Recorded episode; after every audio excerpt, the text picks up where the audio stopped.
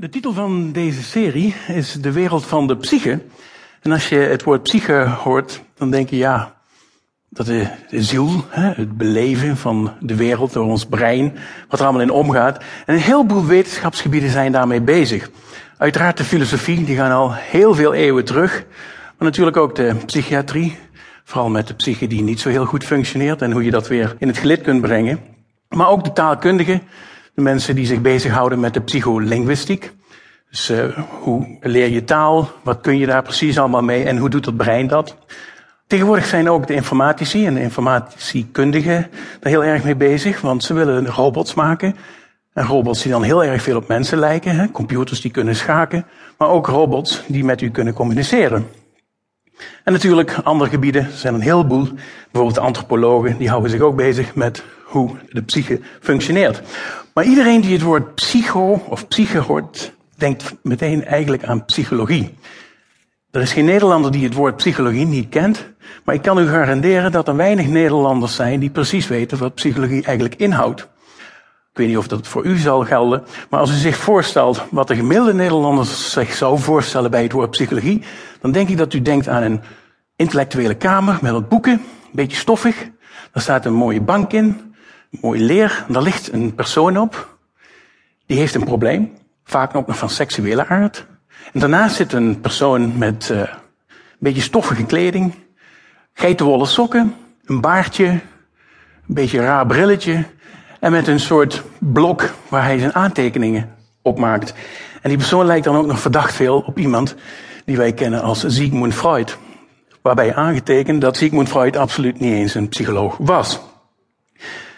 Dat is het stereotype beeld van de psychologie. En dan denkt u misschien, ja, dat is een beetje overdreven. Natuurlijk, de gemiddelde Nederlander is natuurlijk veel beter onderlegd en veel breder geschoold. Maar er is onderzoek geweest naar hoe mensen dat zien. Helaas heb ik geen Nederlandse data kunnen vinden, maar in Oostenrijk en Finland hebben ze wat testjes gedaan. En in Oostenrijk kregen mensen een vragenlijst en dat waren zinnen die ze af moesten maken.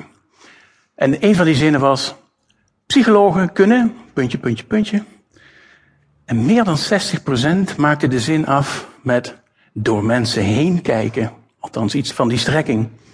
In Finland kregen ze een aantal stellingen voorgelegd. En een van de stellingen was: Psychologen zijn in staat de gedachten van anderen te lezen. 20% van de mensen was het daarmee eens. Nou, er moet dus nog wat gedaan worden. Dit doet me herinneren aan een, eh, een mooi voorval van een van mijn docenten toen ik uh, eerstejaars student was. En die zei, op een gegeven moment als je afgestudeerd bent als psycholoog, dan kom je op een feestje en je weet hoe dat gaat, dan wordt er even gebabbeld en zegt ze, goh, en wat doet u dan voor de kost?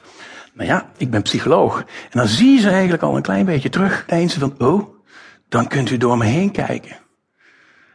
En toen zei hij, nou, vroeger gaf ik ze dan als antwoord, Nee, natuurlijk niet. Om een echt goed beeld van u te vormen, moeten wij u observeren. We moeten misschien vragenlijsten afnemen. We moeten een aantal interviews doen. Misschien moeten we een aantal testen doen. Misschien moet ik eens met mensen uit uw omgeving babbelen. En dan krijg ik wel een klein beetje een beeld hoe dat u bent.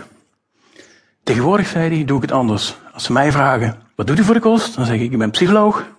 En als ze dan zeggen, u kunt dus door mij heen kijken, dan antwoord ik met, ja. Maar wat is psychologie dan? Nou, als je de handboeken naslaat, de definitie komt altijd op hetzelfde neer. Het is iets als, de psychologie is de discipline die zich bezighoudt met de geest, hè, dus het innerlijke leven, het denken en het gedrag van de mens. Het observeerbare gedrag dan wel, zoals we dat kunnen zien.